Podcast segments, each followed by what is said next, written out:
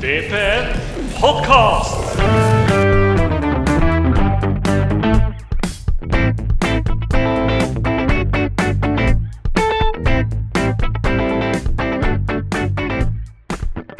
Uh, hei og velkommen til Vålerenga på nett sin uh, podkast, VPN Podkast. Mitt navn er Eivind Hauger, og jeg har glemt hvilken episode det er. Som vanlig, Eivind. Som vanlig. Nå har jeg sagt dette her, hvilken episode det er, tre ganger. Og når jeg har gått tilbake og sjekka, så har jeg sett at jeg har nevnt feil episode i henhold til tellinga. Okay. Ja. Som dere hører, så har jeg i dag med meg eh, Fredrik Lading. Han har uh, henta tilbake en fra en liten dvale. Ja, det er livet, vet du, Eivind. Livet kommer og henter oss. Så, men nå hadde jeg tid i dag, så da ble jeg med. Ja, sånn er det å bli før, si. Sånn er det definitivt å bli før. Ja, ja. Livet kommer og ødelegger. Og, Ødelegger, ødelegger. Livet liv blir bare bedre og bedre, gjør det ikke det? uh, fått begynt å lage deg platting ennå. Ja, nei. Helt opp. Nostalgi, nei. Eh, vi, har en, eh, vi har en gjest. Har vi. Eh, vi har en gjest som vi ikke introduserte på Twitter i det hele tatt, for vi var litt sånn usikre på hva vi skulle skrive. Ja, vi kava hardt etter en Vålerenga-relevans eh, da vi prøvde å, å mm, finne ut hvorfor han skulle komme. Men eh, altså, vår gjest er i dag, og vi er på et eh, Vi er på Ullevål stadion. ja. Nå er vi faktisk på Ullevål stadion, ikke på eh, bygget ved siden av. Eh, og vår gjest er Svein Erik Edvardsen. Hei, hei. Hei. Eh, da jeg, vi, vi prøvde jo som hardt, hardt egentlig å finne denne Vålerenga-relevansen. Og den, det første som, uh, som dukka opp, det var såkalt Altså, jeg er veldig fan av å kalle ting for gate, Fordi det, da får man litt mer sånn høytidelig preg over det. ja sant? Boyan-gate. Ja, ja, det er jo eh, et av mine dårligste minner på fotballbanen. Ja, eh, for da hva, kan, kan du ikke bare sånn kjapt ta oss gjennom hva som skjedde, skjedde der?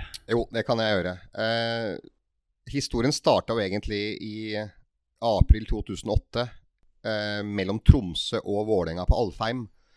Eh, hvor jeg dømte et straffespark mot Vålerenga rett før slutt. Hvor Mika Koppin holdt Dag Thomassen, og jeg ble også straffe. Så var det ingen som skjønte noe av det straffesparket. Og jeg ble jo slakta i alt som var av medier, og inkludert dere sikkert. Og det var ikke noe rart, for det var ikke noen TV-bilder som viste at det var korrekt å blåse straffe mot Vålerenga på overtid på Alfheim i april 2008. Men da jeg våkna dagen etter, så var det bildebevis, og her er, dommer, her er bildet som Edvardsen rett. Og da, fra å være den store klovnen eh, søndag kveld, så var det helten mandag morgen. Og jeg takla det ganske dårlig, da. Jeg ble litt høy på meg sjøl. Men når Dere kan jo tenke dere da at liksom du har blitt slakta fra søndag 1945. Og når du våkner opp dagen etter, så har du full innboks og tenker du at nå er det here we go again. Nå er det slakt dag to. Men det var en VG-journalist som hadde knipsa bildet til rett tid, så da ble jeg plutselig hylla. Det takla jeg dårlig, da. Jeg, det ble vel høy og mørk. Jeg er mørk, men jeg ble vel høy og mørk i, da jeg var 27 år den gangen. Eh, det var kanskje en avsporing, men poenget var at det var Tromsø-Vålerenga på Alfheim. Og når vi da kommer til Norway Cup-kampen, hvor det var fullt hus her på Ullevål, så er det Vålerenga-Tromsø. Kan diskutere Det var jo ikke noe god stemning mellom meg og Jan Erik Aalbu og Martin Andresen på den tida, da. Men eh, jeg ble da i hvert fall satt opp av NFF til samme kamp noen måneder seinere. Altså returkampen her på Ullevål. Og det var, hadde ikke gått lang tid heller, eh, hvor eh, Bojan går opp i en duell med Tommy Knarvik, tror jeg det var, på Tromsø. Og jeg oppfatta det som hode mot hode, og blåser jo da og stopper spillet. Eh, min faste assistentdommer Frank Andås, som jeg er veldig close med, og som jeg alltid har stolt på i mange sammenhenger, eh, han var assistentdommer. Han kjører fullt 17. mai og ber meg komme ut. Fullsatt på Ullevål, naturligvis. Over 20 000 tilskuere. For det var Norway Cup, som sagt, så det var jo fantastisk ramme. Og han sier til meg at du må gi rødt til Bojan fordi at han bruker albuen i hodet på Tommy Knarvik. Jeg skylder ikke på Frank Andås. Eh, Det er alltid dommeren sitt Det kan jeg sikkert komme tilbake til når det gjelder VAR osv., men på det tidspunktet var det ikke VAR. Eh, Det er alltid dommerens ansvar å ta beslutninger. Og så får du jo innspill fra de andre i dommerteamet. Så assistentdommer Frank Andås på det tidspunktet hadde kun samme myndighet som VAR har i dag, og dere anbefaler meg en beslutning. Eh, jeg gjorde da selvfølgelig en kjempetabbe ved å ikke stole på meg sjøl, men å følge rådet til assistentdommer Frank Andås. Og det er viktig for meg å si at dette var mitt ansvar, ikke Frank Andås sitt. Det var et jævla dårlig innspill, naturligvis, med fasiten i hånd, men det var enda svakere av meg å ikke stå for det jeg selv mente. Så det er ingen grunn til å, å slakte min gode venn Frank. Men jeg går da bort og gir rødt kort til Bojan. Mens han holder et håndkle over hodet og blør. altså, Tenk- altså Det burde jo ha ringt noen bjeller, kanskje. Ja, der, der, der, der, der, altså Tenker du liksom ikke at han, han blør Nå har han enten albua seg sjæl Eller fått en albue av noen, kanskje. Og så tenker du at det, Nei, han har er, Altså, er det Nei, altså, det må, det, altså Jeg har ikke noe annet svar på det enn at det må ha vært en fullstendig hjerneblødning eller kortslutning fra min side som fotballdommer. Så jeg velger i hvert fall å gi han rødt kort. Og han skjønner jo selvfølgelig ikke en dritt. Og det gjør jo ingen av de 20 000 på Ullevål stadion heller. Og øh, han gikk nå og dusja etter hvert, naturligvis. Og vi starta igjen. Og i lys av historien, det var derfor jeg fortalte om den første kampen, hvor liksom jeg ble slakta, og så viste det seg at abba, abba, se på bildet, dere dreit dere ut, jeg hadde rett.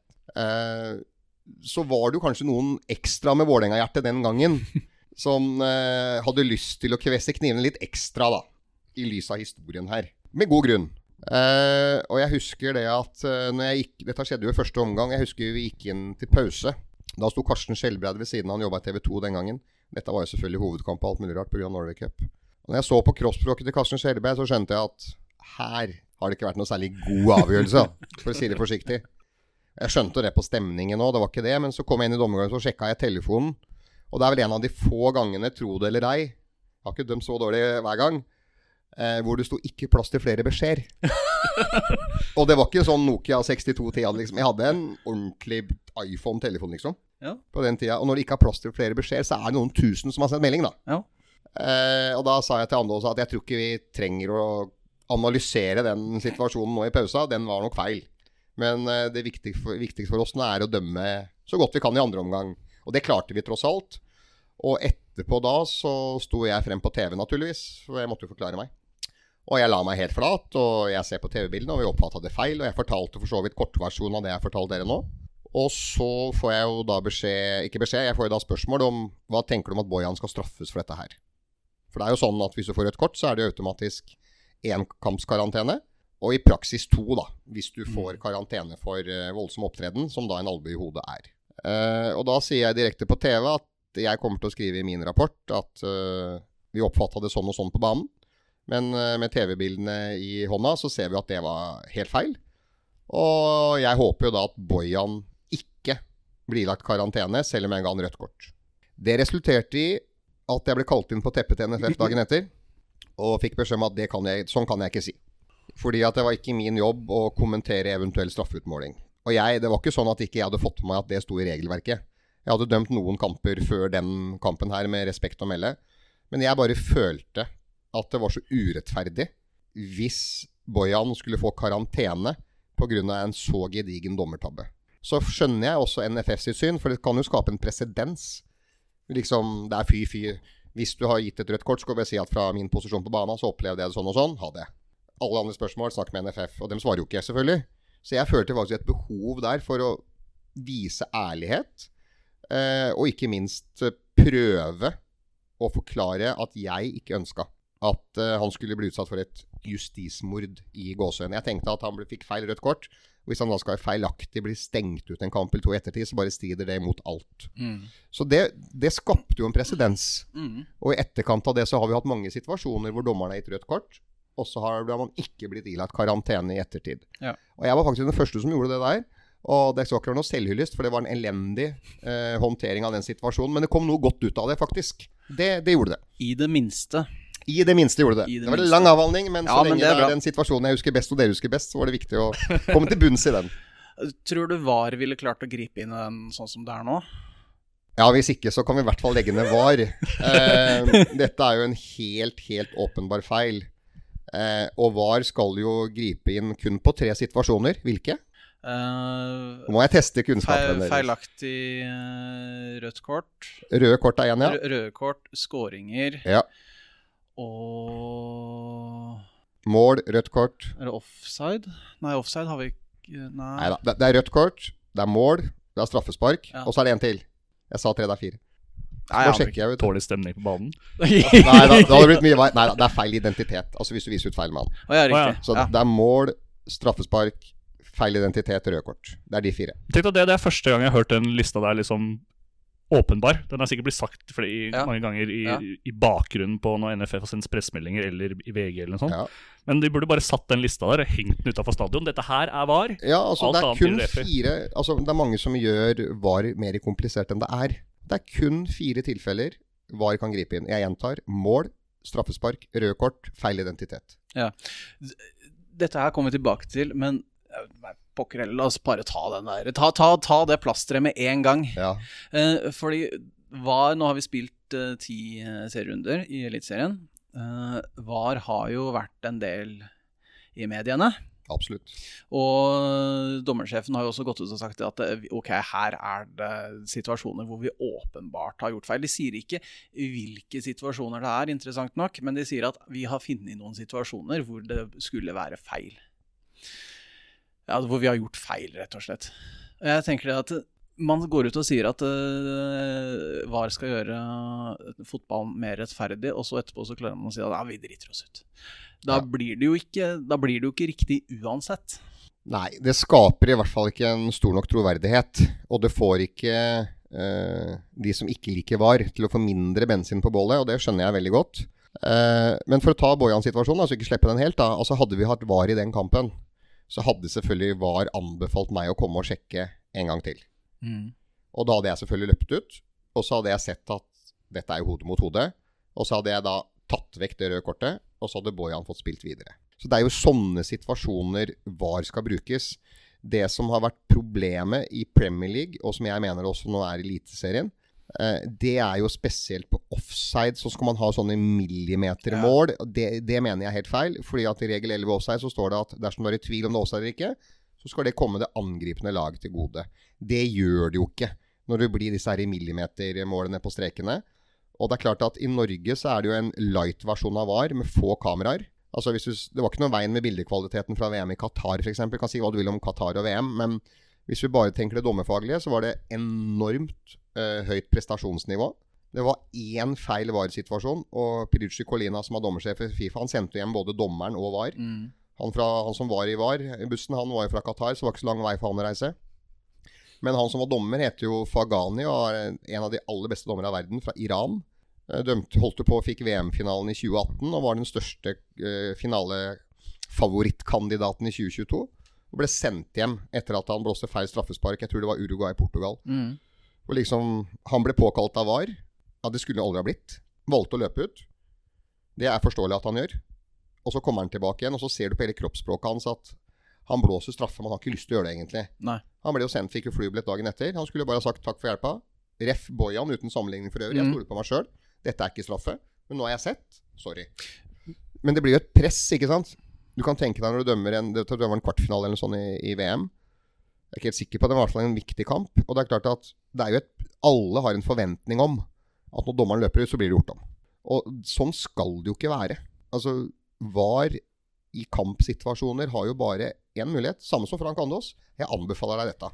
Så har du litt bedre muligheter nå, da, for nå får du sett det som dommer selv en gang til, før du tar avgjørelsen. Men uh, VAR i Premier League har vært en katastrofe. Jeg syns det begynner å bli bedre nå.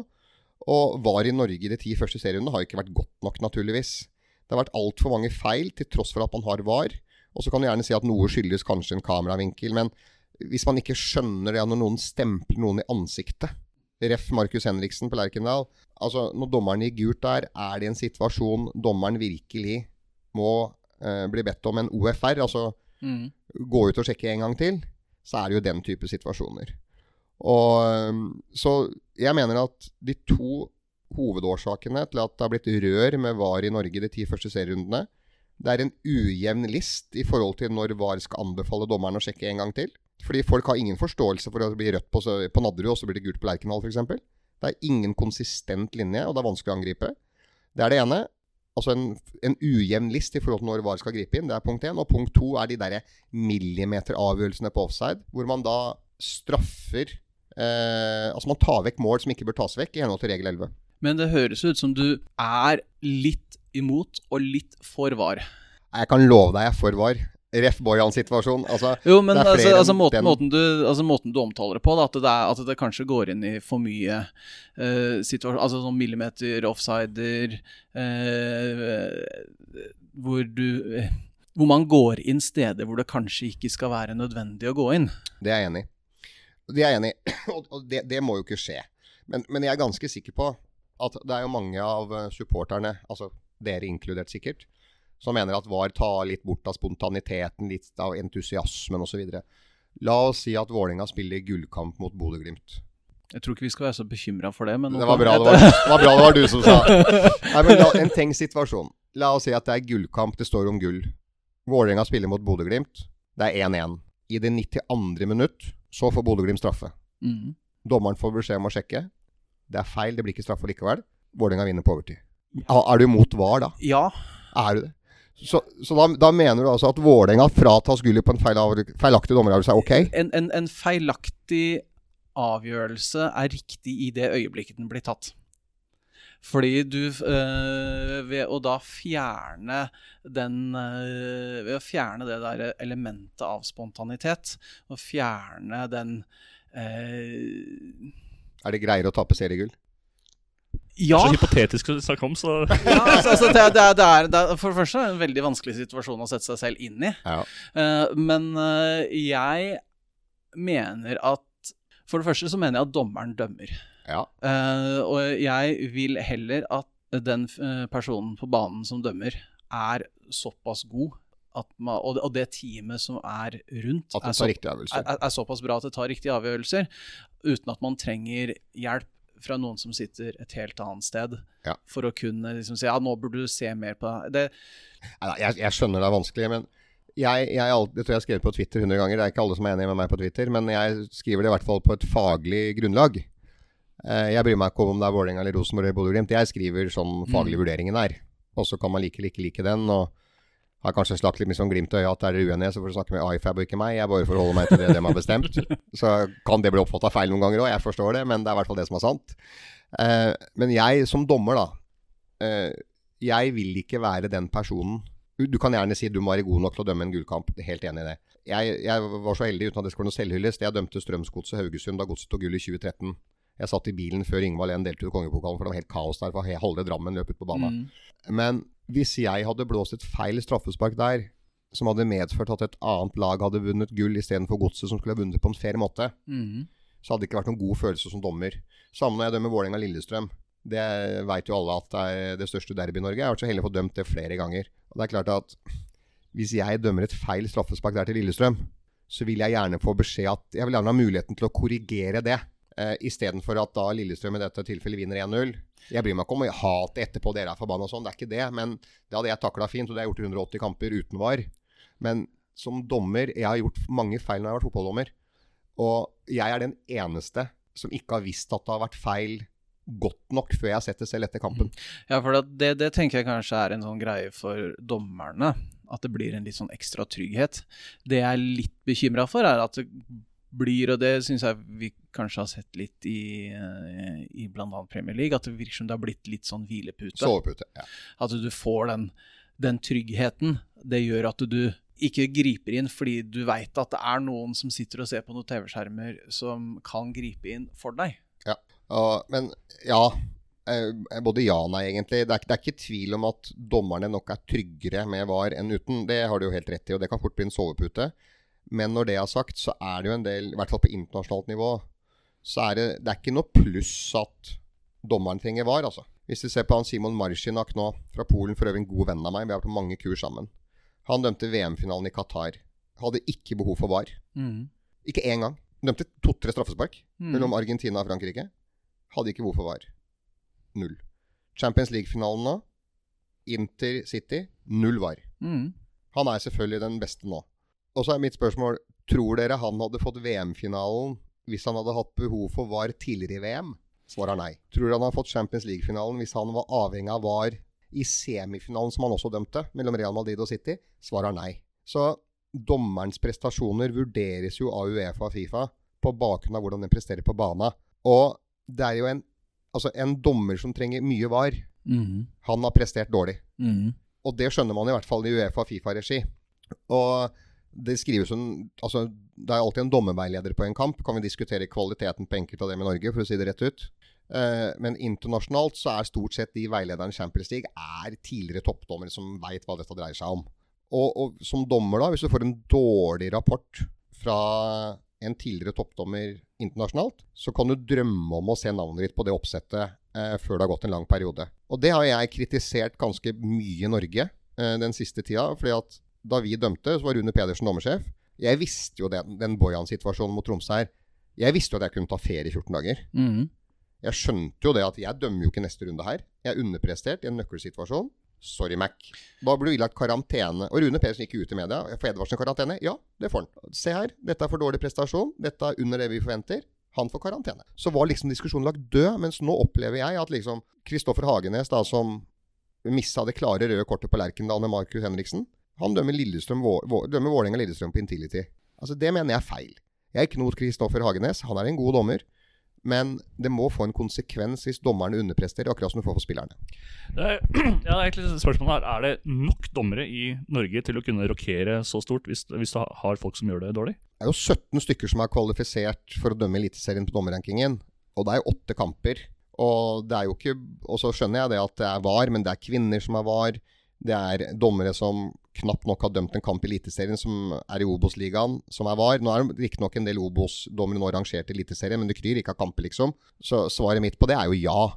Og så får man jo håpe at dommerstanden ikke er så svak at det er åtte stykker som trenger karantene hver søndag, for da blir det et problem. Men la oss si at det er en par dommere som har underprestert. Jeg mener at det er et feil signal for hele Fotball-Norge å la de få dømme på nytt et kvarter seinere. Vi har jo eh, eksempler på der dommere som har gitt eh, motstanderlaget eh, eh, en eller annen enten rødt kort eller straffe eller noe sånt, eller tok vekk et mål eh, på, fra VAR-rommet, som da har kommet og dømt det laget eh, på banen Ja. runden etter. Er. Og, og sånne, sånne ting syns jeg jeg- Det henger ikke på greip. Nei, det og det, det gjør det ikke. ikke sant? Så De som setter opp dommeroppsettet, må jo være Det må være et bedre system for det. Fordi at det er jo Ref Colina, som jeg sa nå i, i VM i, i Qatar. Dommeren fra Iran sendt hjem. Uh, var fra Qatar sendt hjem. Så, Mhm. ja, dere skjønner hva jeg mener. Jeg fikk ikke dømme mer, fikk ikke være med mer. Og så kan du nok ikke være så brutal i Norge at du ikke skal få være med mer. Men det er jo et mønster her, sånn som Lee Mason i, Champions, nei, i Premier League. For det første så begynner han å dra på åra. Mm. Men han var jo den dårligste dommeren i Premier League i forrige fjor. Og så ble han satt i varebussen, så var han den dårligste der òg. Mm. Nå er det game over. For nå er Mike Riley ferdig som dommersjef etter ti år, og Howard Webb har kommet inn. Så liksom, det er noe med at hvis du underpresterer gang på gang på gang på gang, så må du snart innse at du er ikke god nok, rett og slett. Ja. Eh, og så skal du få flere sjanser og få tillit og sånn, så det er en balansegang her. Men det er klart, underpresterer du hver søndag, enten i varebussen eller på banen eller begge steder, så da må du nesten finne noe annet å gjøre. Hva skal til for å få dette til å funke i Norge? På en måte som Og nå skal for å gjøre det der det er enda vanskeligere, på en måte som er tilfredsstillende for både supportere Og dommere. og dommere. Det er et veldig godt spørsmål. Jeg tror i hvert fall at Jeg skal ikke komme med noe fasit, men jeg kan jo stille et spørsmål som er enkelt å svare på. Hvorfor er det veldig sjelden trøbbel med VAR i VM og EM?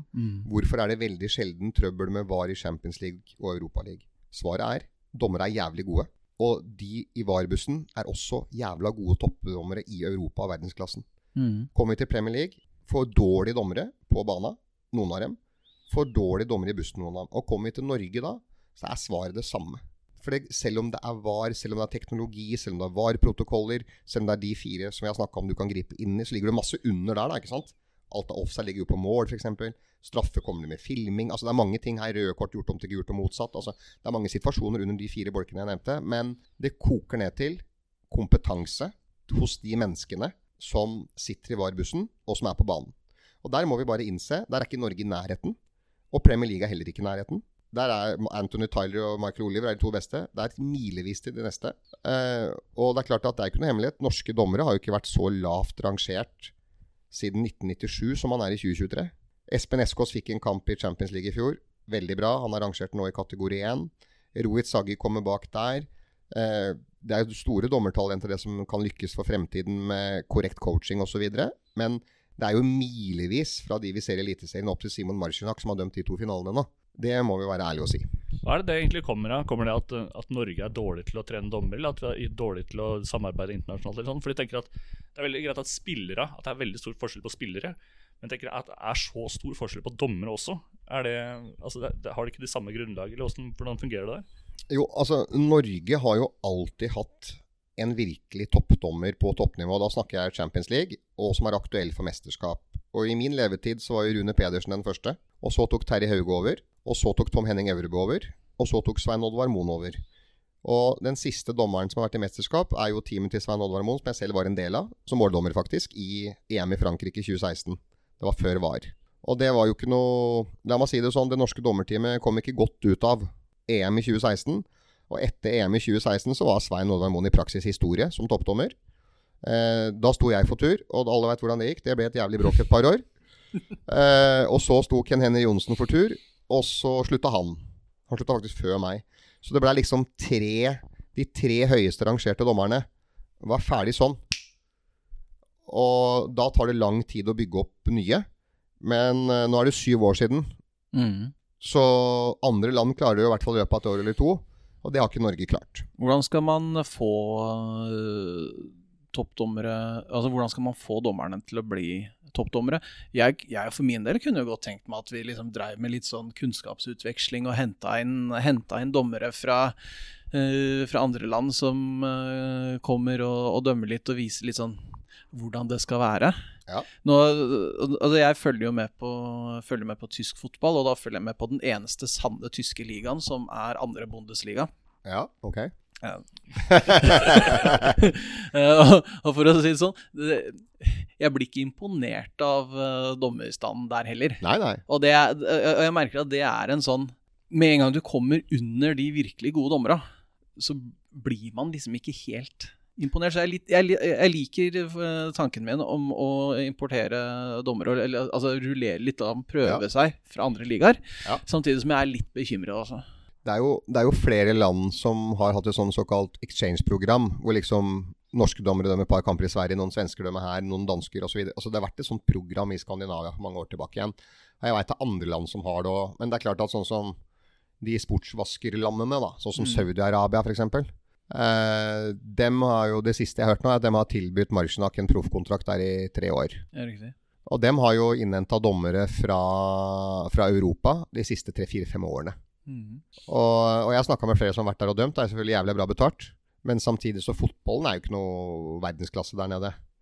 Så, um, så det er jo dommere som er fra ulike nasjoner som dømmer i andre land, men uh, det er jo ikke noe etablert praksis på det. Og hvis det skulle ha vært uh, La oss si det skulle vært et samarbeid mellom Norge, Sverige, Danmark, Finland kanskje, da, i, i Norden, så måtte det ha vært et system på det i forhold til hvilke dommere, hvor mange kamper.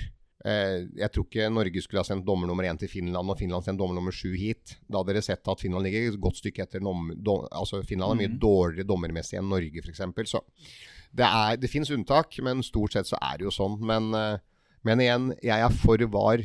Og, eh, og, men forutsetningen for at det skal fungere, er at menneskene som sitter i VAR-bussen, har samme forståelse og kunnskapsnivå som, som dommeren på banen.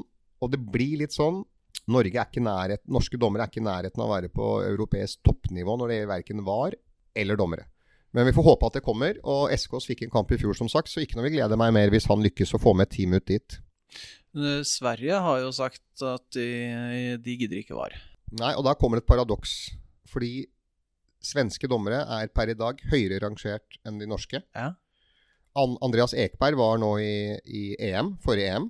Og, øhm, og Sverige hadde også en annen dommer nå i VM-finalen i U20. Så, så Sverige har jo kommet mye lenger i sin, sin dommerutvikling for den nye generasjonen enn Norge har. Og det er til tross for at Sverige ikke har VAR. Og i Norge så var det jo Det var jo bare tull, rett og slett. Hvor liksom han gikk ut og sa at nei, får vi ikke VAR, så får ikke dom, norske dommere oppdrag mm. internasjonalt. Altså, med all respekt, det er løgn. Og jeg kan gjenta, det er løgn. Jeg veit det er grovt å si det, men det er løgn. Det er bare å se på Sverige. Mm. Altså, er, Se på Slovenia. Altså, Det er flere land som ikke har hatt VAR. Altså Damir Skomina fra Slovenia, som dømte Champions League-finalen i 20, 2019. Det var, det var jo VAR i Champions League da, men han hadde jo ikke, jo, hadde jo ikke VAR hjemme. Så, så det, er bare, det er bare et sprøyt, rett og slett. Men, øh, så det er ikke sånn at norske dommere blir bedre pga. VAR. Det er det ikke. Man må ikke glemme dommerutviklingen. For som jeg sa i stad, det er prestasjonene på banen som vurderes. Og hvis en dommer har behov for VAR fem ganger, så da dømmer ikke han i Champions League på en stund, for å si det sånn. Hvordan, eh, hvordan får man eh, dommerne bedre? Altså, eh, det som har vært snakka en god del ganger om, er jo det at istedenfor å bruke de millionene på TV-skjermer, så heller, burde man kanskje helst først begynne å ansette dommere og ha profesjonelle dommere. Ja, det har vært en sånn evig diskusjon om altså de fleste er jo nå semiproffe. altså Man er frikjøpt 30% SK, som er den beste tippet, er frikjøpt 50, hvis ikke 60. Det var i hvert fall sånn før. Det har sikkert blitt noe dårligere kår nå. Men, men, jeg er ganske sikker på at uh, mer penger, flere fagsamlinger og innhente fagekspertise fra andre land er veldig viktig. Uh, og ikke minst den derre daglige oppfølgingen og coachingen av dommerne.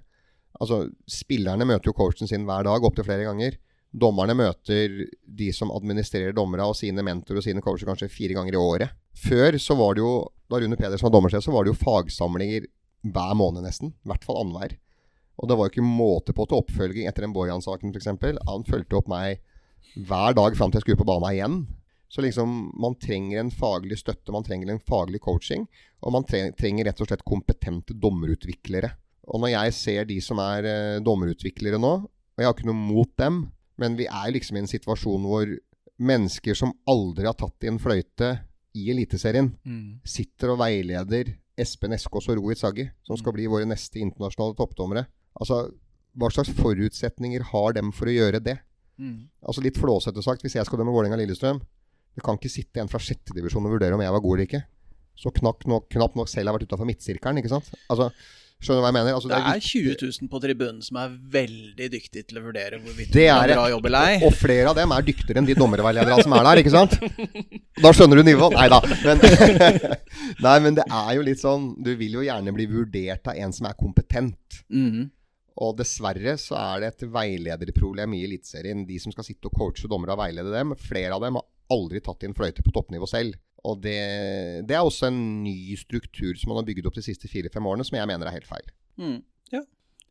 Nei, jeg har egentlig Jeg syns det var en sånn fin avslutning på hvor, uh, hva man skal gjøre for å få dommere bedre. Ja, bruk mer penger. Ja, bruk mer penger. Bruk mer penger. Eh, Elise, jeg snakka med Elise Thorsnes i, på damelaget, og hun sa det at hun skulle gjerne ønske at dommerne kom og dømte internkamper eh, for lagene. Ja. Jeg, jeg, jeg, sa det, så jeg at det er jo egentlig ikke en så sjukt dårlig idé. Det er en veldig god idé, det. Eh, jeg bor jo på Kongsvinger nå, og jeg har jo tilbudt meg til Espen Nysbund å dømme på treninger, og han har jo vært positiv til det. Ja. Uh, og uh, jeg bor der i annenhver uke, riktignok, når jeg har samvær med min datter. Så jeg er ikke der hver, så blir ikke hver trening. Men uh, jeg tror det er veldig sunt for klubbene det er sunt for dommerne. For Jeg kan i hvert fall forsikre dere om at de som dømmer de internkampene, som er assist assistenttrenerne eller mm. er mye dårligere. Bare mm. så det er sagt. Uh, så jeg tror det er veldig sunt for både dommere og klubber og trenere og spillere at det er en dommer som kan stille opp og dømme en internkamp, eller når man spiller 11 mot 11, eller en treningskamp ja. når det er landslagspause, eller altså et eller annet sånt. Fordi at én ting er at dommerne får en for bedre forståelse for hvordan klubbene jobber, hvor mye man, mm. arbeid man legger ned. Og ikke minst at man blir kanskje en mer altså Det var jo det jeg prøvde å jobbe for i alle år, på, på godt og vondt. At dommerne måtte jo bli synlige. Dommerne måtte jo skal ikke være midtpunktet på noen som helst måte, men man må bli en del av uh, fotballfamilien. Mm. For det er liksom at dommerne er på sin egen tue, dem sitter der borte. Jeg merka det spesielt på La Manga, hvor liksom det var faktisk Dag Eilif Fagermo, det er mange år tilbake, når han trente Porsche Grenland, sa han må jo være med oss og ta en øl, gutter. Kan dere sitter inne på rommet deres, liksom, og så er alle andre ute? Uansett om det er klubber eller trener materialer. Vi skal ikke gå på fylla, men gå ut og se hei, liksom. Er dere helt fri med losjen? Altså, det var et viktig sånn signal å ta. Ja, for jeg tenker det med å dømme Med å ha dommere som dømmer eh, internkamper altså da, i, i, tillegg til at eh, dommerne blir kjent med klubbene, så blir kanskje spillerne også litt kjent med dommerne. Sånn at man bruker det Ok, men da har man den Da, da kan man ha, ha, et eget litt sånn De relasjonene man skaper på trening, ja. tar man jo med ut i kamp. Helt og da, mye, da, kan det også være mye enklere å snakke med dommer, og man skjønner liksom at OK, men han spilleren der ja, ja. Han har det tenningsnivået. Han mener ingenting med det. Nei. Det er bare det at uh, han blir punch. Han er sånn på trening også. Jeg er helt enig. Og det beste eksempelet der Jeg fikk Lena være fjerdedommer på han en eh, to-tre ganger. Pluss en null bak. Per Ivar Staberg. Eh, jeg kjenner ingen norske dommere så lenge jeg har levd, som har vært flinkere på kommunikasjon og relasjonsbygging til han. Og han var også fjerdedommer for meg noen ganger, eh, så vi var, vi var jobba en del sammen. Og når jeg hørte på headsetet måten han kommuniserte med spillerne, så lærte jeg veldig mye av det. Og han hadde jo mildt sagt gode relasjoner til spillerne. Så husker jeg sa til Staberg Faen, Staberg, så jeg blir oppfatta som arrogant og dårlig, og ingen vil snakke med meg og syns jeg er litt sånn frastøtende. Og du står liksom og koser med dem som har tapt. Jeg må jo lære av dette her, naturligvis. Jeg er jo ikke så tjukk i huset ikke jeg skjønner at jeg må lære av deg. Har du noen forslag? Sånn, sånn, Du må drekke med spillerne, Edvardsen. Sånn. Du må drekke Du må drekke med spillerne. Du må feste med dem. Da veit du alt om dem, sånn som tør ikke å kødde med deg. Så jeg, jeg, jeg, jeg prøvde ikke det, men ehm, det var eh, Det verste av alt er at det er en sannhet med modifikasjoner. Jeg kjenner Prior så godt så jeg kan si det. Ja. Du må drekke med spillerne, Edvardsen. Aldri hatt problemer. Må drikke med spillerne. Ja, men det er, jeg, jeg tenker at sånt noe egentlig bare er helt fint. Ja. Ja da. Altså, fordi da, da får du også den derre da, da blir man Når man da plutselig står og vurderer Skal jeg gi han fyren her uh, gult for uh, språkbruk Ja, nei, Altså, og så det sånn Nei, men, okay, nei, men han, han mener ingenting. Altså, det er sånn han er. ja da. Se på eh, Sivert Heltene Nilsen. Han uh, spiller jo Champions League-finale hver eneste kamp han Ja. spiller. Han er jo så punch. Jeg har dømt Sivert mange ganger, og han spilte på Vålerenga. Mhm. Jeg dømte jo Sivert mange ganger her ute, jeg, på Ullevål, Mhm. når han spilte på Vålerenga. Og han, han, det er som du sier, han spiller jo VM-finalen hver jævla kamp. Han har superpunch. Og jeg har aldri i hele min karriere etter 180 kamplister gitt han et gult kort for munnbruk. Aldri. Steine taklinger og sånn, ja. For han gjorde jo det av og til, for å si det forsiktig. Eh, han var ikke forsiktig, for å si det sånn. Eh, så det var bare liksom å skru på alarmen når han var mm. Spesielt når han mista ballen og skulle gjenvinne den. Da var det bare å Da blinka alle lys, liksom. Men eh, Så han fikk jo noen gule kort han er for taklinger, men han er jo en fantastisk fyr. Og en vinnerskalle av rang, og jeg har stor respekt for han. Og så var det liksom Når han kom bort til meg og ga meg huden full, så var det to alternativer. Kun to. Overtenning, eller jeg hadde gjort feil. Nå har jeg sagt til han at det var for det meste overtenning. Nei, men, liksom, sånn, men, men så er det et, Når det er sagt, da Selv om jeg som dommer tålte det han sa Jeg ga ikke han gult kort. Aldri. Jeg har aldri gitt en gult kort for munnbruk. Det var ikke behov for det. Men samtidig så er det noe med imagene for omverdenen. Hadde han løpt ti meter opp i trynet på meg, mm. selv om han ikke hadde sagt noe som var gult kort, så hadde jeg gitt en gult kort. Mm. Fordi at hvis du viser hele Intility Arena eller Brann stadion at du syns dommeren er en tulling, det må vi få bort. Ja. Dommerne må ikke mobbes, du må ta vare på imaget. Men hvis han liksom kom litt sånn spontant og sa til, så tenkte jeg ok, la det Mm. passere. Så det er stor forskjell på det. Å være spontan og der og da, enn å liksom løpe 60-meteren for å komme opp i trynet på det. Men for å, det, jo, det tar oss liksom videre til en uh, litt mer Vålerenga-relevans igjen. Uh, for du er har jo dømt uh, blant annet uh, Vålerenga-Lillestrøm. Ja. Hvordan er det? Det er jo Der tror jeg dommeren har samme følelse som dere. Man gleder seg noe jævlig til den kampen, unnskyld uttrykket. Og det er jo, det er jo de, de kampene er to ganger i året. Mm. Og der setter jo Fotballforbundet opp de dommerne som man mener er best skikka til å dømme den kampen.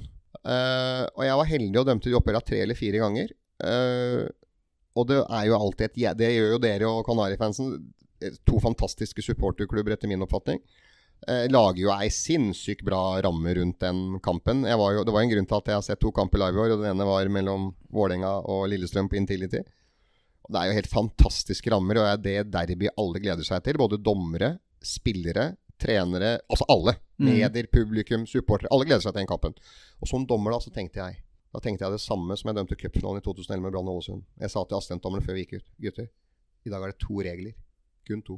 Én, ikke drite oss ut. Det er feil kamp å drite seg ut i, liksom. Det er det ene. Og to, for guds skyld, vi finner ikke på noe nytt i dag. og kan vi spille, så spiller vi. Ikke noe innovasjon. Nei. Dette er ikke kampen for uh, nye retningslinjer og fokus. Og bare drit i alt det. Mm. Her gjennomfører vi 90 minutter, og målet vårt er ingen husker oss etterpå. Mhm. Og nå kommer det morsomme spørsmålet. Husker dere at jeg har dømt Vålerenga-Lillestrøm? Det gjør dere, men jeg var aldri i fokus i de kampene. Jeg var i fokus i mange kamper, og jeg var dårlig mange ganger. Jeg sa ikke det for å fremheve meg sjøl, men litt sånn, da.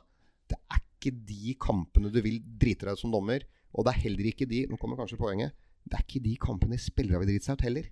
Fordi alle øynene er på den kampen.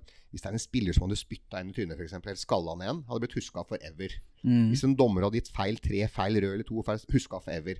Altså, det er nesten karrierepunktum hvis du virkelig rører det til i den kampen, uansett rolle du har. Og så har jo dere selvfølgelig fucka opp dette er noe så inn i helvete i forkant. Det er knusing av statuer, og det er sprayinger, og det er det ene og det andre. ikke sant? Jeg dømte forresten ene kampen der. Og, og da blir det litt sånn at jeg merker på spilleren når jeg står i tunnelen før vi skal gå ut. Det er kun merka på den kampen og cupfinalen. Ikke noe andre. Jeg har dømt Brann Vålerenga, jeg har dømt Rosenborg Brann, jeg har dømt Rosenborg Molde, jeg har dømt Molde Ålesund. Jeg dømte til og med Fredrikstad Sarpsborg når de spilte mot ham for første gang siden 72, hvor det var flaggborg nede i Fredrikstad. Aldri vært mer folk noen gang på det stadion. Men jeg har aldri hatt samme følelsen når jeg står i tunnelen på Vålerenga Lillestrøm. For da snur jeg meg litt rundt. Da ser jeg Jeg sa til han ene assistenten Magnus Løv, sa du, se bak deg. Du skal faen meg i begravelse hele gjengen der. Da er jeg så prega av den gjengen der. Så jeg da må i hvert fall vi Mm. Lave skuldre, slappe av, smile, ha det gøy, glede oss. Fordi at hvis du får høyere skuldre i en sånn kamp som dommer, så går det gærent. Og får du høyere skuldre i en sånn kamp for spillere, så går det også gærent. Jeg veit ikke mange ganger jeg snakka til han Kristoffer Hestad på Åråsen den ene gangen der. Hvor bror Riise var på andre. Jeg husker jeg sa til begge to Du vet hva, én ting skal dere være klar over. Tror dere det koster meg én kalde å hive ut dere herfra? Svaret er nei. Kommer jeg til å gjøre det? Ja. Hva skal du gjøre for å unngå det? Ta ned skuldrene deres. Mm. For de hadde jo takla i De traff jo heldigvis ikke noe, da. Hadde de gjort det, så hadde de vært ute begge. Men liksom, de kampene er mange prega før kampen. Og ingen har lyst til å drite seg ut. Nå gjentar jeg meg selv, men ingen har lyst til å drite seg ut. Og kanskje det viktigste av alt, det er sjelden stort bråk ute på banen. Mm. Det er en masseansamling. VAR kan gi et feil rødt kort som skjedde. Altså, det kan skje. Men det er liksom sjelden det er spillerne som føkler etter på den kampen. Mm. Ikke sant? Og, og det jo, skal jo dere ha æren for, sammen med mange andre. Fordi at det er så bra ramme. Spillere vil spille fotball. Og dommere vil dømme, og ingen vil være i fokus. Hvordan er det å ha 16 000-20 000 som står og Hvor, hvor du vet at det har skjedd et eller annet. Og det behøver ikke å være en stor avgjørelse heller. Men nå mener majoriteten av alle disse som er på stadion, at jeg er en forbanna dust. Det er jo idioter som begynner å dømme, da. Vet du vil utsette seg for det? Nei da. Uh, nei. Uh, du lærer deg å leve med det, altså. Og uh, når klanen synger omrevel eller eh, Mer, hår, mer, mer, mer, mer hår enn hjerne. Altså, Mer hår enn hjerne, ja. det var, var, var Øvrebø som fikk Øvrebø som fikk, fikk den. Ja da. Nei da. Så Altså, jeg, jeg kan med hånda på hjertet si at alle dommerne i Eliteserien, også i dag, dem, dem bryr seg lite om det. Mm. Eh, dem er skolert og, og mentalt rusta til å tåle det. Det er klart at når du dømmer det for første gang og, altså, Når jeg har politieskorte for første gang, eh, så er det ikke sånn at ja, nå kommer han igjen neste gang. Det, det er ikke det jeg mener. Men det er jo alltid noe med erfaring her. Mm. Da jeg dømte kamp 121, så er det mye mer erfaring enn jeg dømte kamp 12. Også på i forhold til trøkket rundt og sånn. Men der var jeg ganske heldig, fordi at jeg var jo hockeydommer i mange år. Mm. Og etter at jeg hadde dømt eh, Frisk Asker Vålerenga i eh, Askerhallen, gamle Askerhallen, hvor det dogga på pleksin for det var så mye folk der, og Atle Olsen var kaptein på Vålerenga og Kjetil Wold på Frisk, og jeg var høyere, ikke høyere enn stolen der. Den er lav, den stolen for øvrig, for de som ikke ser den. Uh, så liksom, jeg hadde jo i hvert fall en ballast og en erfaring med trøkk før jeg begynte å dømme Eliteserien. Og når jeg debuterte mellom Odd Tromsø i Eliteserien 2014, på gamle Odd stadion, så tenkte jeg faen, dette var ikke så trøkk, tenkte jeg. Jeg hadde dømt Sparta Stjernen 3000 og fullt hus inne i en blekkhall. Jeg hadde dømt Aske, Frisk Aske Vålerenga. Det var så- Det var 5000-6000, det var ikke så trøkk her. Men etter hvert, da, Mm. når du kom på andre arenaer enn gamle Odd stadion Ikke noe negativt sagt om det, for det har jeg mange gode minner fra. Men det er en annen ramme rundt Vålerenga-Lillestrøm enn Odd Tromsø, hvis dere skjønner. Vi må Mm. være så ærlige å si det. Det, er, det, er, det, er, det er ikke det. Det er lov, det. altså. Ja, ja men vi vi har alltid vært ærlige, så sånn, det må vi kunne si. Men og, hvordan eh, For det er jo interessant at du trekker opp dette med å eh, Altså, du starta jo som hockeydommer. Ja. Uh, hvordan var det å gå fra hockey til uh, fotball? jeg, jeg debuterte i Eliteserien i hockey da jeg var 20 år. Og da dømte jeg fotball i tredjedivisjon. Bare for å holde meg i form til hockey, liksom. Det var mm. hockeydommer jeg skulle satse på å bli. Og så syntes jeg det var greit å dømme fotball på sommeren bare for å holde meg i form. Og jeg tror at Ref det vi snakka om i stad med lave skuldre. Jeg hadde jo ingen ambisjoner i fotball. Jeg skulle dømme hockey, og det var målet mitt å dømme i VM. Uh, mens mange av mine dommerkollegaer slash konkurrenter Man er jo kollegaer, men det er en konkurranse også. Mens an, mange av mine andre dommerkollegaer i tredje liksom, Nå kommer det en viktig veileder, da må jeg være god. Da går det jo gærent, ikke sant. Mens jeg brydde meg ikke om hvem som kom og så på meg på fart mot Vang, liksom. Det dreit jo jeg i. Jeg skulle jo dømme Vålerenga Stjerne i hockey dagen etter, så jeg, Mm. så jeg bare dømte og hadde det gøy. Og så endte jo det plutselig med at nei, nå skal du få prøve i annendivisjon. Så tenkte jeg ja, ja. Og eh, parallelt med det så gikk jo hockeykarrieren min fremover. Og så dømte jeg Andersson dømte jeg andredivisjon, og da kommer du liksom under vingene til NFF. Og det er jo da det laveste nivået som er rangert under NFFs vinger. Og så er det jo jetturnering på Hamar.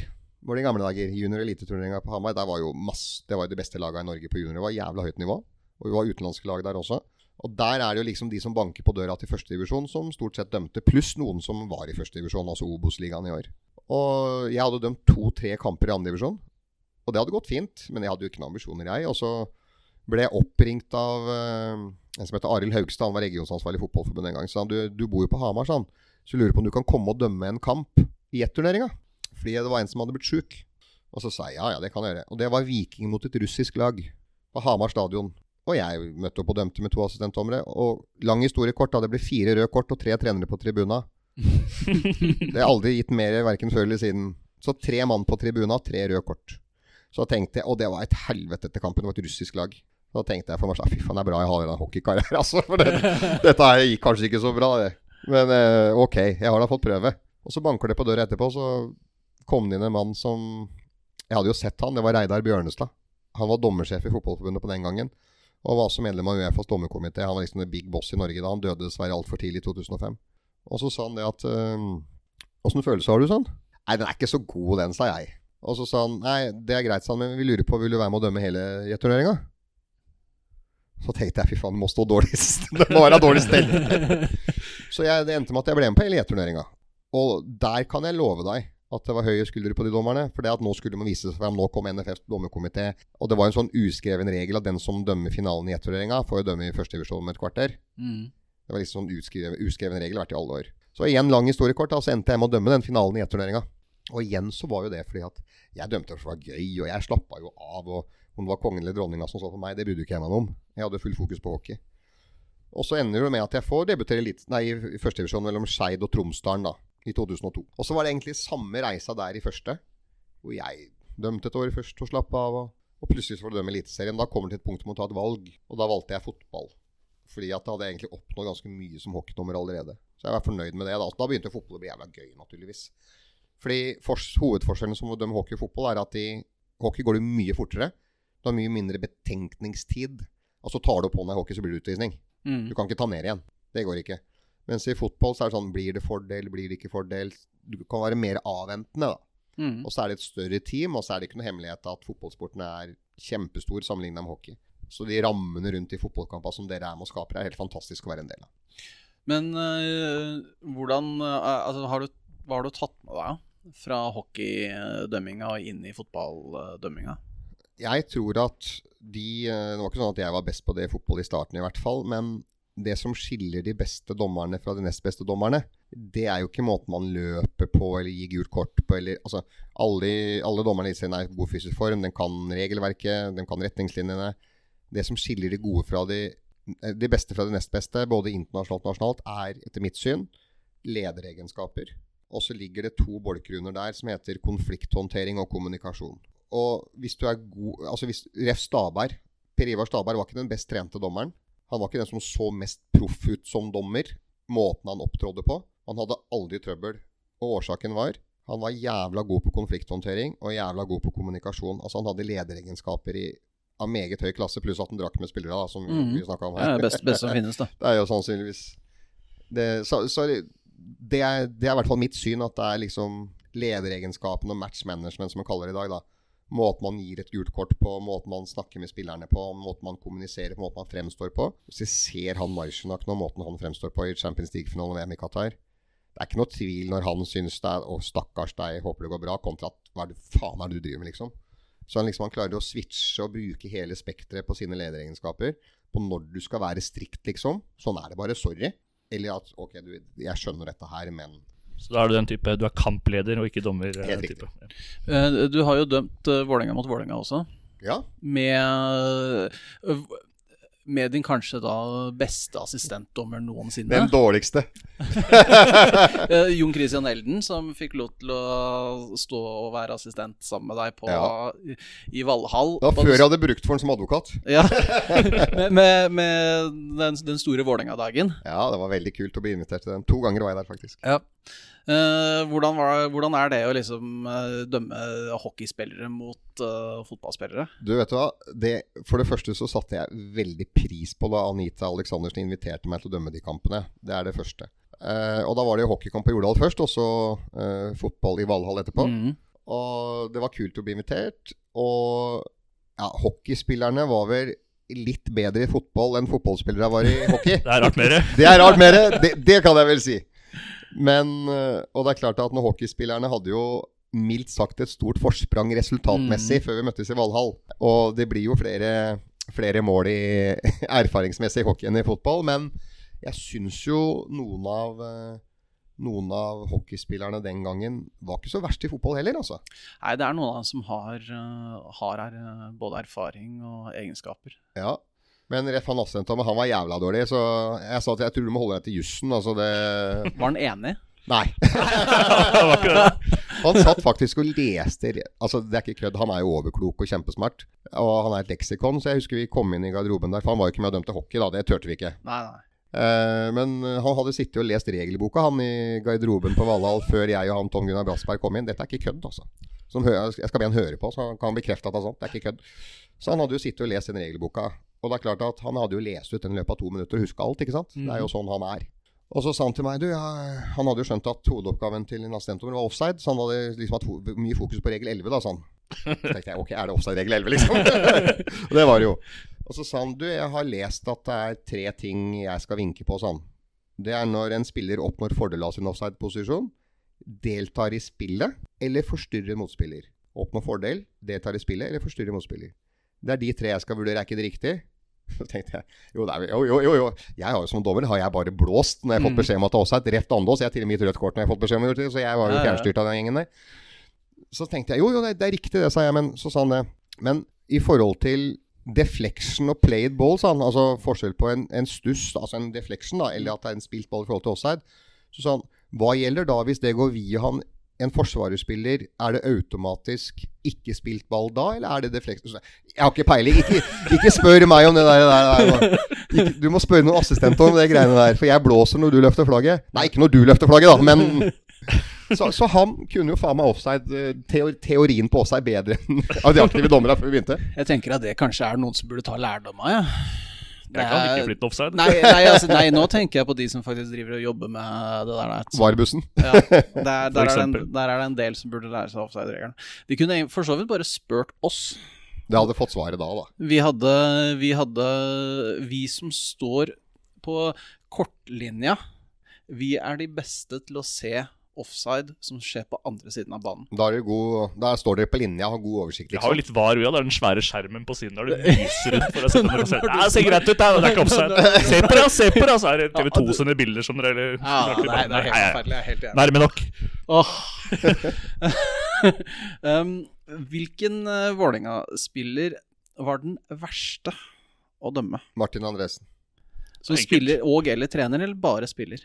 Spiller. Ja.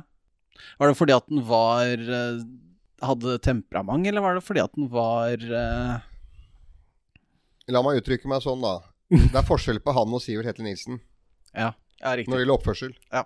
Så, men, men når det er sagt, da. Han var jo superpunch, og jeg syns han var den verste spilleren å dømme. Ja. Men, eh, men for all del, altså han eh, Det var ikke noe sånn at jeg hadde noe dårlig forhold til han. Vi kommuniserte fint vi de, de årene han hadde alle rollene i Vålerenga og spilte og trente og alt mulig rart. Men, men eh, Nei, han var den eh, verste spilleren å, å dømme.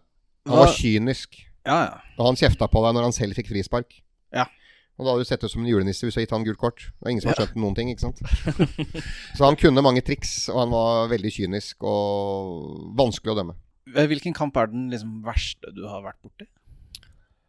Uh, det er et godt spørsmål. Altså, den, den vanskeligste kampen jeg har dømt, da, det er faktisk en U21-kamp i Latvia. Mm. Fordi apropos drøying av tida. Mm. Det Hjemmelaget leda 1-0, og det, det er jo så vidt greit. At man drøyer tida da, det er ikke noe unikt i Latvia heller, det. Det skjer overalt. Men Det var en 12-13 ballgutter der. Og hver gang det var avblåsning, så var det 12 baller på banen. Det er, det er fint, da. Så de ballguttene på 12-13 år hadde jo fått beskjed når dommeren også kaster de ballen utpå. Ja, uansett. Uansett. Ja. Og de fem siste minuttene, da, selvfølgelig. Du stoppa ikke, ikke sant? Nei. Du kan ikke vise ut ballgutter, eller? Nei, du kan ikke det. Ikke Og det, det var så vanskelig. Og du kan jo tenke deg motstanderlaget. Den var ikke veldig happy, da, for å si det sånn. Så det, det var vanskelig. Vi, og vi måtte legge til åtte minutter, ikke sant. Men etter hvert så fikk vi organisert, så det kom jo noen som var litt mer voksne enn uh, lagledelsen til Latvia, da, og fikk dem vekk. Men eh, det var fordi at det blir sånn som dommer, så ok, du bommer på straffespark, det kan være tre røde, det kan være tøff kamp, det kan være snill kamp, alt det greiene der. Men her, er, her oppstår det en situasjon, da. Eller situasjoner. Kontinuerlig. Som du er liksom maktesløs mot. Mm. Og så fører det til at det blir et unnskyld uttrykk, et helvete på bana. Mm. Eh, fordi motstanderlaget som eh, mister det helt, naturligvis. Og trenerne mister det helt. Altså alle mister det. Og så er du litt sånn Hva skal du gjøre? Du kan, det er bare én ting å legge til tid. Når er, det, når er det ansvaret til dommeren slutter? Altså, vi, vi, Si da i et tenkt eksempel at et, eh, et lag fra Norge møter et lag fra eh, Sør-Europa, Ja. og så blir det litt uh, bajas i, uh, i uh, tunnelen rett etter kamp. Ja. Kan da dommer si det at du nå, nå- nå må dere gå fra hverandre, eller er det mer sånn Nei, altså dom, det, det det heter, er at dommeren har jo ansvaret eh, på spillebanen og dens område. Ja. Det betyr inkludert tunnelen. Der pleier det å stå en fjerde dommer. Eh, Og nå er det også en femte dommer i de store kampene, hvor det er en reserve på assistentdommersida hvis assistentdommeren får strekk eller tråkker over. Så det er minimum én mann der også, men der internasjonalt så har jo Uefa nok av delegater, da. mm. Så hvis det skjer noe i tunnelen der, så vil det bli fanga opp eh, delvis av de menneskene som fysisk er til stede, men naturligvis, som jeg sa, så det er ikke noe veien med verken TV-bilder eller videobilder og overvåkning der. Mm. Eh, nå så jeg forresten Mourinho fikk fire kamper pga. oppførselen sin. eh, og, og, og det er klart at eh, han ble jo da også straffa fordi at han skjelte ut dommeren i garasjen. Mm. Ikke sant? Og, og det er jo igjen ved hjelp av bilder. Ja. TV-bilder. Ja, klart Hadde jeg blitt skjelt ut i garasjen på Stavanger stadion, så er det ikke sikkert det hadde vært filma i 2010. Det hadde ikke vært sannsynligvis. Og så har det blitt påstand mot påstand. Men liksom de bildene han gjør mot han Tyler, det ligner jo ikke grisen. Så, men eh, svaret er at dommeren har ansvaret Dommeren kan sanksjonere i tunnelen hvis han ser noe. Ja, riktig. Altså Hvis jeg går inn til pause og jeg ser en spytte på en annen en, så kan jeg gi rødt i tunnelen. Ja. Og jeg har jo også gitt gule og røde kort etter kampen, hvor vi skal takle for kampen. Jeg husker, det var vel han husker Er det Halvorsen han heter? Han som har spilt i Fredrikstad og Sarpsborg? Eh, Ole Jørgen Halvorsen? Eh, ja. Jeg tror det var han. For Han hadde gult kort fra før, og så kom han etter kampen og slengte noe dritt. Da fikk han gult eller rødt. Og ingen skjønte noen ting. Og Så sa jeg nei, jeg må snakke med han hvis du ikke skjønner det, sa jeg. Mm.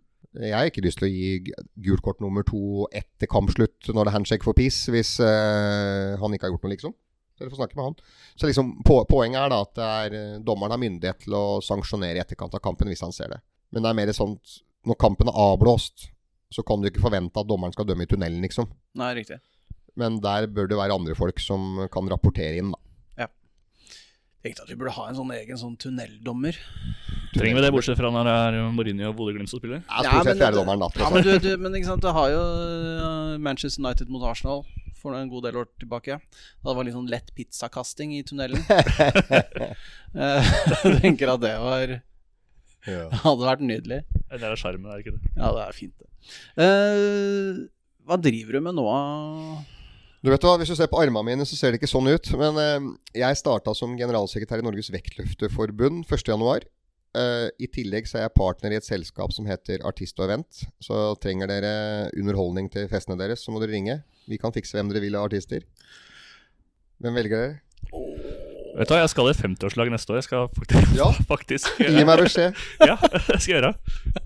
Samme hvem du trenger av artister, så fikser jeg det. Ja, det er på Innlandet nå. Så det er, Ja, ja, det passer Det- perfekt. hvem er det som passer inn på Innlandet?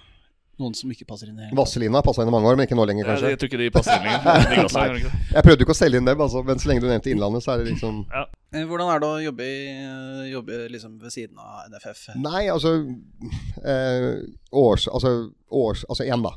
Jeg er generalsekretær i Vektløfterforbundet. Jeg er partner i Artistavent, og jeg er partner i et selskap som heter XID Innlandet, som kan levere alt du kan tenke deg med logo på. Og så hjelper jeg fortsatt min gode venn gjennom 30 år, sirkusdirektør Jan Kjetil Smørdal i Sirkus Agora, skrive alle kontrakter for han. Eh, han sier at han har iPad og filofax og kulepenn, så da mener jeg at jeg må ta PC-en og formalisere det avtalen med artistene. Så det er kult. Eh, og så har jeg vært dommerekspert i mange år.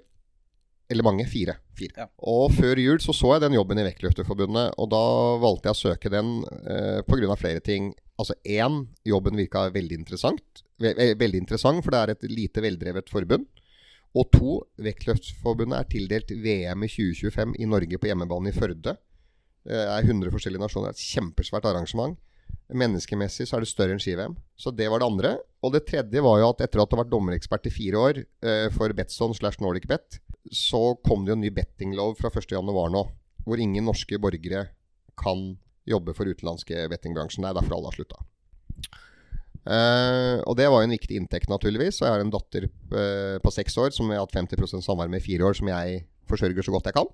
Og det går veldig fint. Eh, og da er man avhengig av inntekt. Og jeg hadde klart meg for så vidt på artist og event, XD XID og Agora, jeg, men det hadde, var jo også etter alt det bråket som har vært med, med Terje Hauge og meg og Fotballforbundet, så hadde, hadde det også en stor verdi for meg å komme på innsiden av idretten igjen. Eh, etter å ha vært på utsiden i fire. Og det er jo her jeg har jobba i, i hele mitt liv, egentlig. På Ullevål stadion. Med unntak av tre år i Manpower. Så da søkte jeg jobben. Og Stian Grimseth er jo president, og han er jo en jævla kul fyr. Eh, jeg har lært mye av han eh, det siste halve året. Og eh, nei, han er en fantastisk leder, og jeg er veldig glad for at han blir gjenvalgt som president for to år. Uh, så jeg er helt sikker på at vi kommer til å jobbe veldig godt sammen. Og tro det eller ei, jeg har mange gode kollegaer i, eh, i Fotballforbundet. Det er to-tre stykker der som kanskje ikke inviterer meg til lunsj, men uh, jeg har spist lunsj med flere av mine tidligere kollegaer i, i Fotballforbundet, og det har vært god stemning. Jeg har ikke spist lunsj med noen av dem. Ja, men jeg kan invitere dere til neste, da. vet du. Spiser, spiller gjerne, nei, jeg spiser gjerne lunsj med fotballfiffen min. Ja, ja, ja, ikke sant? Er det mye wienerbrød? Etter at Terje Svendsen og Pål Bjerketvedt slutta, så er det slutt på Da er det slutt på både wienerbrød, amatørskap, feilsendte mailer, nådeløs åpenhet og sant, sant, sant uten at det er det. Altså, Muppet-showet er forbi. Det, jeg, jeg Ja, tror det, det, det vet, faktisk vet du hva, akkurat der er jeg veldig fornøyd med at uh, Elise Klaveness har kommet Ja, altså, ja, altså, Ja, ja. vi- NFF virker friskere og bedre nå enn det har gjort på siden jeg må, jeg må jo si det at Lise Klaveness og Carl Petter Løken, jeg oppfatter dem som fantastiske ledere. Jeg ser det fra utsida. Uh, hver gang jeg møter dem, er de veldig hyggelige mot meg. Uh, jeg opplever at vi har et helt fint og profesjonelt forhold. Mens det er klart at eh, dems forgjengere, Terje Svendsen og Pål Bjerketvedt altså, Jeg har levd noen år, jeg også nå, og vært med i norsk idrett siden jeg var 15. Altså, det må være de to dårligste lederne som noen gang har vært i norsk fotball. Jeg kan ikke skjønne noe annet enn det. Nei. Nei, jeg har ikke noe jeg, jeg, jeg har heldigvis forskåna fra å ha noe forhold til uh, toppledelsen i NFF. Ja, men bare sånn, Den pyrosaken, måten de håndterte det på Å, det er så mye bra. Det er jo dere Åh, opptatt av. Altså, det var jo. Bjerkeseth og Svendsen in charge. Altså, Hvordan er det, er det for øvrig når du ser at, uh, ser at uh, supporterne fyrer opp uh, bluss på bluss på bluss på bluss, og du ser det at nå Og, og så veit du at denne banen her Her er det tak rundt hele tribunen. Denne røyken forsvinner ikke før i hvert fall andre omgang starter. her blir det utsatt. ja, men Apropos det. Jeg var på Åråsen da det ble fyrt av litt av hvert, og Geir Ellefsen, oh, sikkerhetssjef, mista huet totalt. Tommy Skjerven dømte den kampen. Jeg husker at jeg skrev en blogg etterpå. Hadde ikke dommeren holdt roen før den kampen, hadde ikke blitt kamp. Det var jo noen som ville prøve makt for første gang og skulle avlyse den kampen for å markere seg. Det funka ikke med Tommy Skjerven. For det er dommeren som bestemmer. Mm. Det kan være så mye sikkerhetsdelegater og delegater bestemmer. Hvis dommeren sier vi spiller, så spiller vi. Eh, det er akkurat det samme som banen er for hard, og det er for mye vann. Og jeg har opplevd det mange ganger, jeg. Hvor det er mange som ah, du, her, her må du avlyse. Husker jeg skulle dømme en kamp oppe, altså sånn kvalikkamp på Hønefoss en gang. Mange år tilbake igjen. Nei, her må avlyse. Ja, må avlyse. Så sa jeg, men tror du det blir noe bedre neste uke? Tror du det blir varmere, liksom? Det blir jo kaldere, selvfølgelig. så her spiller vi. Ja, men delegaten sa vel kanskje bra hvis Ja, men han driter vi i, sa jeg. Det er ikke han som bestemmer dette her. det er dommeren som bestemmer. Ja, for, for når det kommer en fyr løpende ut på banen og driver og veiver med armene at nå må vi avlyse Ja, ja, det er jo tidenes Muppet-show, ikke sant. Ja, gøy, da. Men, men apropos pyro. Jeg var på den kampen på tribuna, og det ble jo fyrt av altfor mye der, naturligvis. Det er jo alle enige om. Uh, men jeg har dømt en fotballkamp i PAOK i Hellas. Hellas. De har visst møtt eh, det, det er det laget i Europa Vålerenga har møtt flest ganger. Ja. Kan vår Er det det, ja? Ja, Ja, det er vi, vi, vi, eh, vi møtte dem Har møtt Herrelaget har møtt dem to ganger. Ja. Og damelaget har møtt dem én gang. Jeg, had, jeg dømte dem i en kvalikkamp til Champions League, i den avgjørende kampen. Det er jo jævla mye penger som står på spill, da, naturligvis, for Mm. å kvalifisere seg inn her, ikke sant? Og før vi gikk ut på banen her, fy fader, de fyrte av, altså. Dere tror Jeg tror de fyrer enda der, altså. Det smalt, og det røyka, og det blinka, og det stoppa ikke, vet du. Mm. Og så tenkte jeg her kan vi, vi gikk jo ut tenkte her kan vi faen ikke starte. Når jeg sto på midten, jeg, så ikke målet den veien. Så snur jeg meg, så ser jeg ikke målet andre veien heller. Så tenkte jeg vi kan ikke spille her. Så sier jeg til han kapteinen du, we need to go back in the dressing room. No, no, no, this is Greece, this is normal, this is no problem. Og så sier jeg but, but I don't see, just wait, five minutes you will see, don't, don't worry, we don't need to go. Så sa jeg, altså, vi snakker totalt røykelagt, altså. Ja, helt nydelig. Og så tenkte jeg Ok. Så tenkte jeg, jeg, jeg tenkte, ok, han har spilt her ei stund, og jeg er førstereis, så jeg, jeg vil ikke se ut som en klovn og sende dem tilbake nå, liksom. Rett etter Champions League-hymnen. Nei, nå vil vi gå tilbake, Mm. altså. Du har ikke lyst til det, da, men samtidig så må du helst se. Han hadde rett, da. Ja. Etter fem minutter så løsna alt. Ja. Og så scora de selvfølgelig, og da var det faen meg på'n igjen, ikke sant. og da tenkte jeg ja, det blir fem minutter til. Og så var det mange som kom bort til meg på, på Åråsen da det virkelig tok fyr der. Hva tror du om dette her, og hva tenker du om det? Du? Så du vet hva? Med all respekt. Dette er et stjerneskudd sammenlignet med det jeg opplevde i Pauk, altså. For der smalt det og fyra og Så eh, Nei, jeg, jeg er for de rammene, men det må jo være i kontrollerte former. Det, det må det jo. Men der er de jo veldig flinke, og jeg synes jo Jeg sier jo ikke det for at dere er Vålerenga, men den rammen dere lager med, med både bannere og Nei, altså, det er, det er verdensklasse. Østblokka er blitt veldig, veldig veldig Ja, bra. veldig bra. Det blir veldig ålreit å ha egen stadion hvor man kan gjøre litt uh, sjæl og Klart. være på én samla. Jeg opplever at dere er kjempeflinke, at det er veldig mye Jeg blander meg aldri borti hvilke lag som vinner eller taper, for jeg har fortsatt lyst til å dømme fotball. Håper jeg får til det en gang. Så, så jeg blander meg aldri borti det, men jeg syns det er gøy å se på kampene, og jeg ser jo at uh, Vålerengas supportere har alltid vært, uh, vært flinke. Men uh, for sånn et siste spørsmål før vi avslutter her. Uh, hvilken plass havner Vålerenga hockey på i år? Oi, oi, oi, det var vanskelig spørsmål. Jeg, jeg så én kamp i fjor. Kun Ja. én. Og det var Storhamar-Vålerenga i semifinalen. Ja.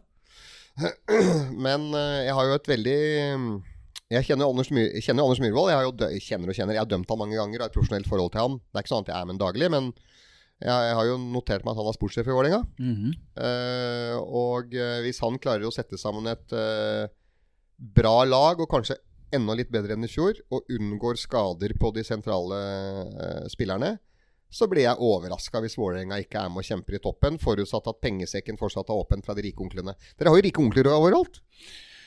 Ja, altså Den beste rikonkelen er jo han som eh, støtter damelaget. Det er Ja. han som eier Glava. Ja. det er, ja. og det er ingen, og ingen, liksom, ingen veit det. Nei, jeg skulle til å si. Det har jeg ikke hørt om. Nei, han, han, han driver og spytter inn penger der. Ja. Sørger for at det laget går og holder seg Han gidder ikke å blande seg inn i sporten heller. Han er en sånn eier man liker. Eller Ja. eier, han er ikke eier heller. Han er en fyr som syns at uh, Vålerenga må ha et uh, damelag i toppen. Ja. Nå blir det jo nå blir det Champions League-kvalik. Yes. Ja, ja. Det blir uh, Få se hvor Det kommer vel snart oppsettet der. Ja. Det blir vel noe edelt metalt òg. Og det blir vel fort gull, tror Da jeg. blir det fort gull. ja, det er kult. I år så blir det gull. Nei, men Jeg opplever at dere er veldig flinke til å altså Da tenker jeg Vålerenga-supporterne. Jeg veit det er flere grupperinger og sånn for all del, men eh, jeg opplever at dere er veldig flinke til å støtte damefotballen også. Det er veldig, veldig bra, altså. Det er det ikke alle som gjør. Nei, det er Og det viktig det, burde, ikke, ha- det burde egentlig ikke ha vært sånn i 2023. Det er viktig, uh, viktig at uh, altså det, er, det er litt forskjellige typer supportere.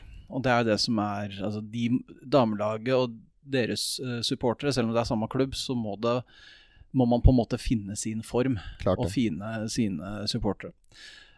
Men det blir gøy. Yes. Ja. Champions League. Takk Lykke for til eh, i Champions League, og lykke til videre med sesongen, både for herre og kvinner. Ja, vi får se hvordan det går. Det. Vi takker for det, i hvert fall. Eh, takk for praten. Tusen takk for invitasjonen. Eh, takk for at dere nå har hørt på oss eh, drive og fjase i en eh, ganske lang stund. Eh, jeg sier som alltid lik og del. podkast!